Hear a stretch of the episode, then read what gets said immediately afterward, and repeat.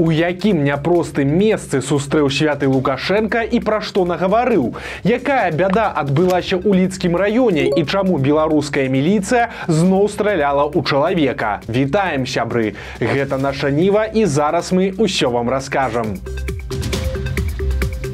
лукашэнкі прайшлі насычаныя выходныя. Спачатку ён сустрэўся з будучымі беларускімі касманаўткамі. Гэта марына васілеўская і анастасія лянкова якіх рыхтуюць да палёту на міжнародную касмічную станцыю. Плануецца што палёт пройдзе ўжо гэтай вясною. Былая сцюардэса белавія васілеўская асноўны кандыдат. Дзіцячы хірург лянкова яе дублёр.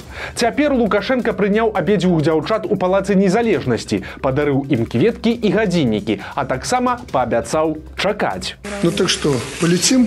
Полетим. Да. Или передумали? Нет, ни в коем случае. Ну, полетим так полетим. Ну, мы вас будем ждать здесь. На раство ж Лукашенко паехаў у аграгарадок шаршуны ў мінскім раёне. Прычым не адзін, а з малодшым сынам Мікалаем, кіраўніком беларускай праваслаўнай царквы мітрапалітам Веньямінам і губернатарам мінскай вобласці Турчыным. Разам яны наведалі мясцовы храм святога прарока Іаана Прадцечы. Многоуважаемый Александр Григорьевич, мы рады, что вы посещаете храм простой, в простом сельском населенном пункте. Причем храм, который построен вашей непосредственной заботай. А вось тут мітрапаліт Веньямін трохі хітрыць, бо гэта зусім не нейкі там просты і выпадковы храм у выпадковым аграгарадку. Каля шаршуноў знаходзіцца вялікая сакрэтная рэзідэнцыя, некалькі будынкаў з верталётнай пляцоўкай. Раней яна належала ўпраўленню справамі Лукашэнкі, а пасля перайшла ва ўласнасць яго расійскага сябра мільярдэра Михаіла Гуцырыева, які займаецца ў Беларусі і каліем і нафтай. І гэты храм Іана працечы, куды цяпер прыехаў Лукашэнкі Лукашенко таксама пабудаваны на грошы гуцырыева і хоць выглядае сціпла але ёсць нюансы. Напрыклад сам мільярдер хваліўся што купалы ў храме зробленыя з чыстага золата. У царкве бацька і сын лукашэнкі запалілі свечкі а пасля лукашенко старэйшы па традыцыі выступіў з прамовай перад прыхаджанамі. Яна таксама была традыцыйнай. Лукашенко зноў паскардзіўся што было цяжка і зноў паабяцаў што будзе яшчэ цяжэй год этот будет очень непростым очень непростым. На нас будут тренироваться. И нам надо выстоять. Будут тренироваться к будущим президентским выборам.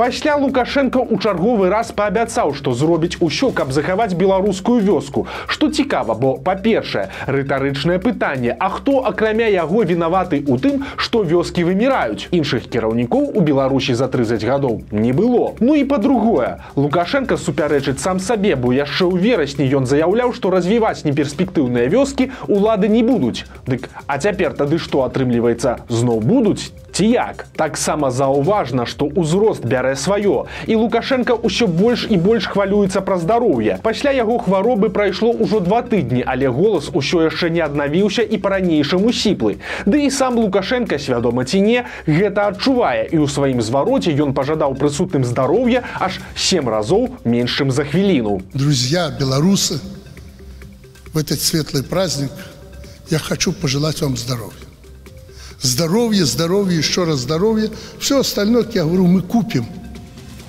Не купим, другим способом добудем.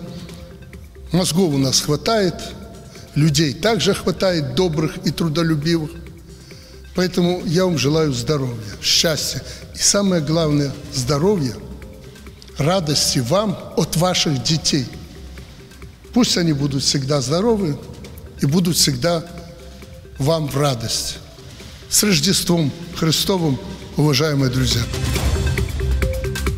Катастрофа адбылася ў лідскім раёне. Там абрынуўся пралёт моста праз Нёман. Мост ужо не эксплуатаваўся і цяпер яго разбіралі рабочыя. Проста падчас працы і здарылася бяда. Упала адна спліт і ў выніку двое рабочых атрымалі траўмы, а таксама ў вадзе апынуўся экскаватар з машыністам. Пацярпелыя атрымалі траўмы рознай ступені цяжкасці, у тым ліку чэрапна-мазгавыя траўмы, пераломы, пашкоджанні ўнутраных органаў і грудной клеткі. Цяпер двое мужчын у рэанімацыі сітуацыі, у якім яны стане дакладна невядома. Па факце здарэння заведзеная крымінальная справа.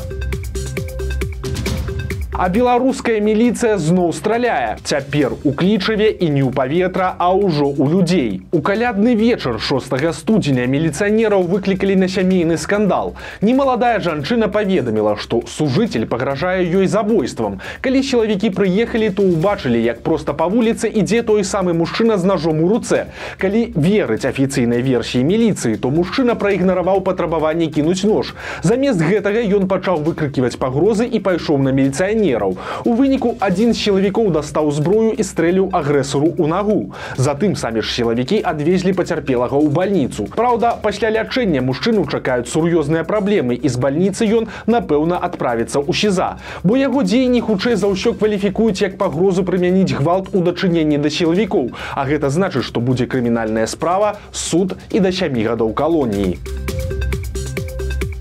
Пакуль у адной царкве Лукашенко разважае пра будучыя выбары, у другой яго паплечнікі адпраўляюць усіх лукашэнкаўскіх апанентаў у пекла. Прапагандыст азаронак таксама вырашыў на раство наведаць храм і прыехаў да настаятелькі святараство багародзічнага жаночага манастра ў грудня і гумені гаўрыілы. Яна сумна вядомая сваёй адданай любоўю да ўлады і лукашэнкі. Не здзівіла і гумення і цяпер. Яна заявіла, што з'ехаўшым з Беларусі трэба каяцца перад лукашэнкам, а таксама вяртацца і здавацца сілавікам. Калі жа людзі не пакаюцца, то запэўнівае гаўрыла, ім прамая дарога ў пекла.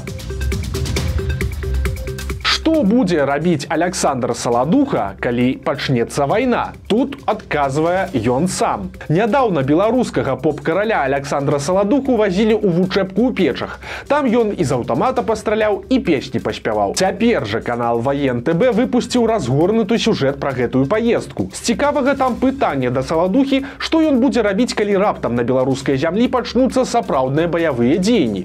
Улічваючы, што спявак скончыў ваенную кафедру і мае званне капітана капітана, то пытанне не пустое. І саладуха адразу ж адказаў, што паедзе на перадавую. Праўда, адразу удакладніў. Не для таго, каб страляць па ворагах, альбо камандаваць атрадам партызан. Поеду на передовую, поднимать дух боевой солдат. Буду петь песни. Да, да, да, да. То, что у меня очень хорошо получается, да. Лечить души людей. Абсолютно верно. Как я говорю во всех своих интервью, клятве Гиппократа я верен по сей день.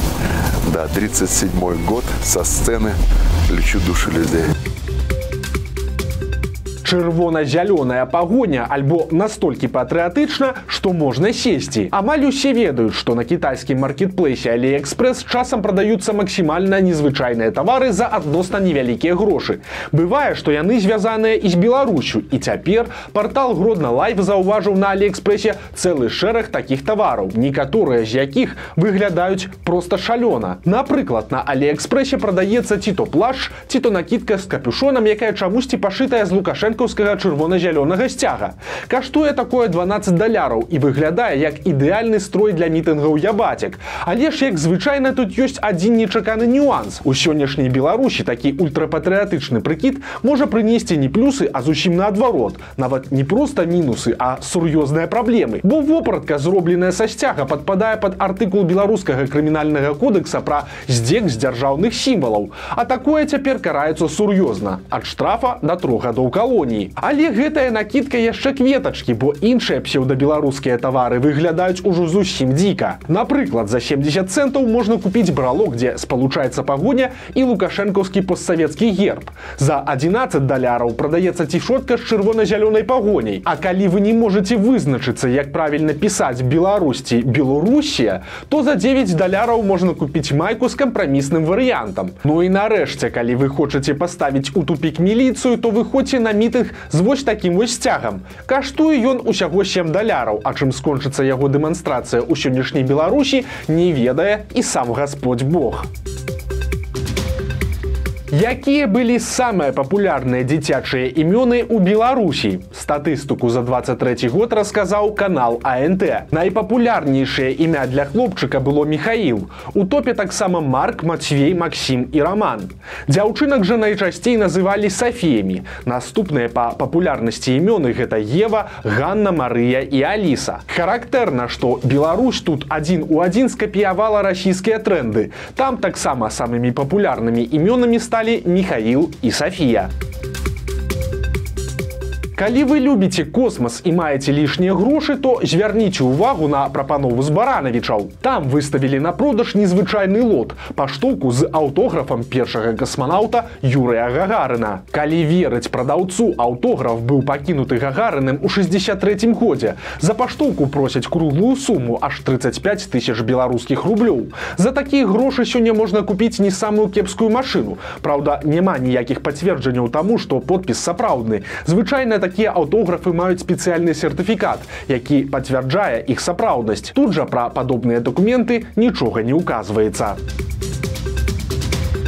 Адна з галоўных і самых сумных навінаў выходных гэта затрыманне музыкаў папулярнага беларускага гурта нізкіс. Трое з чатырох удзельнікаў гурта заставаліся жыць у Беларусі у родным магілёве. Песня нізкі справілась стала хітом у двадцатым годзе. Кліп на яе хутка сабраў больш за мільён праглядаў. Яго здымалі на маршах пратэстаў у мінску, але пасля музыкі не эмігравалі. Часам яны выязджалі за мяжу на канцэрты, але пасля вярталіся на радзіму. Скончылася гэта кепска. 6 студзеня паказалі жорсткае затрыманне музыкаў, да якіх уламываліся ў кватэры ўзброеныя сілавікі. Цяпер затрыманыя вакаліст і аўтар песень нізкіс Александр Ільін, бас-гітарыст Сергей Кульша і бубнач Дмітрый Халяўкін. Усіх прымусілі зняцца ў відэа. Цяпер яны пад вартай, у чым абвінавачваюць музыкаў і што будзе з імі далей пакуль невядома. Але гледзячы на радасныя паведамленні прапагандыстаў, падобна, што музыкаў чакаюць крымінальныя справы. Ды і зусім нядаўна ўжо быў падобны сумны прыклад. Увосень музыкі рагачоўскага гурта Торбэнд былі асуджаныя на тэрміны ад 8 до 10 гадоў за свае песні. Цяпер прыйшлі і панізкіс. Пасля іх затрымання ў садсетках паднялася цэлая хваля здзіўленняў і абурэнняў.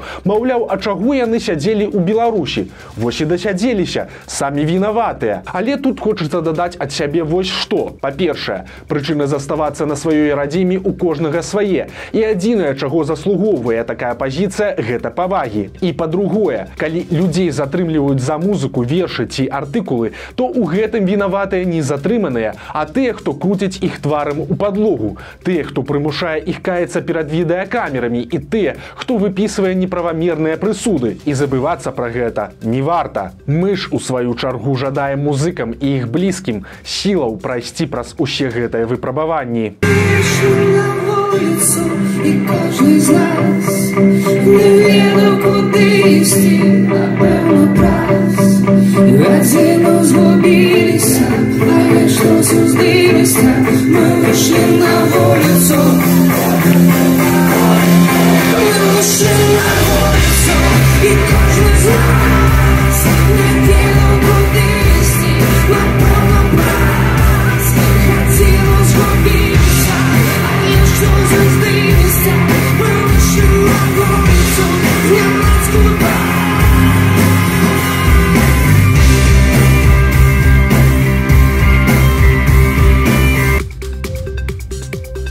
такія навіны панядзелка. Падпісывайцеся на канал, стаўце лайки альбо дызлайкі і выказвайце заўвагі ў каментарах. І канешне, чытайце нашу ніву, глядзіце нашу ніву і любіце Беларусь.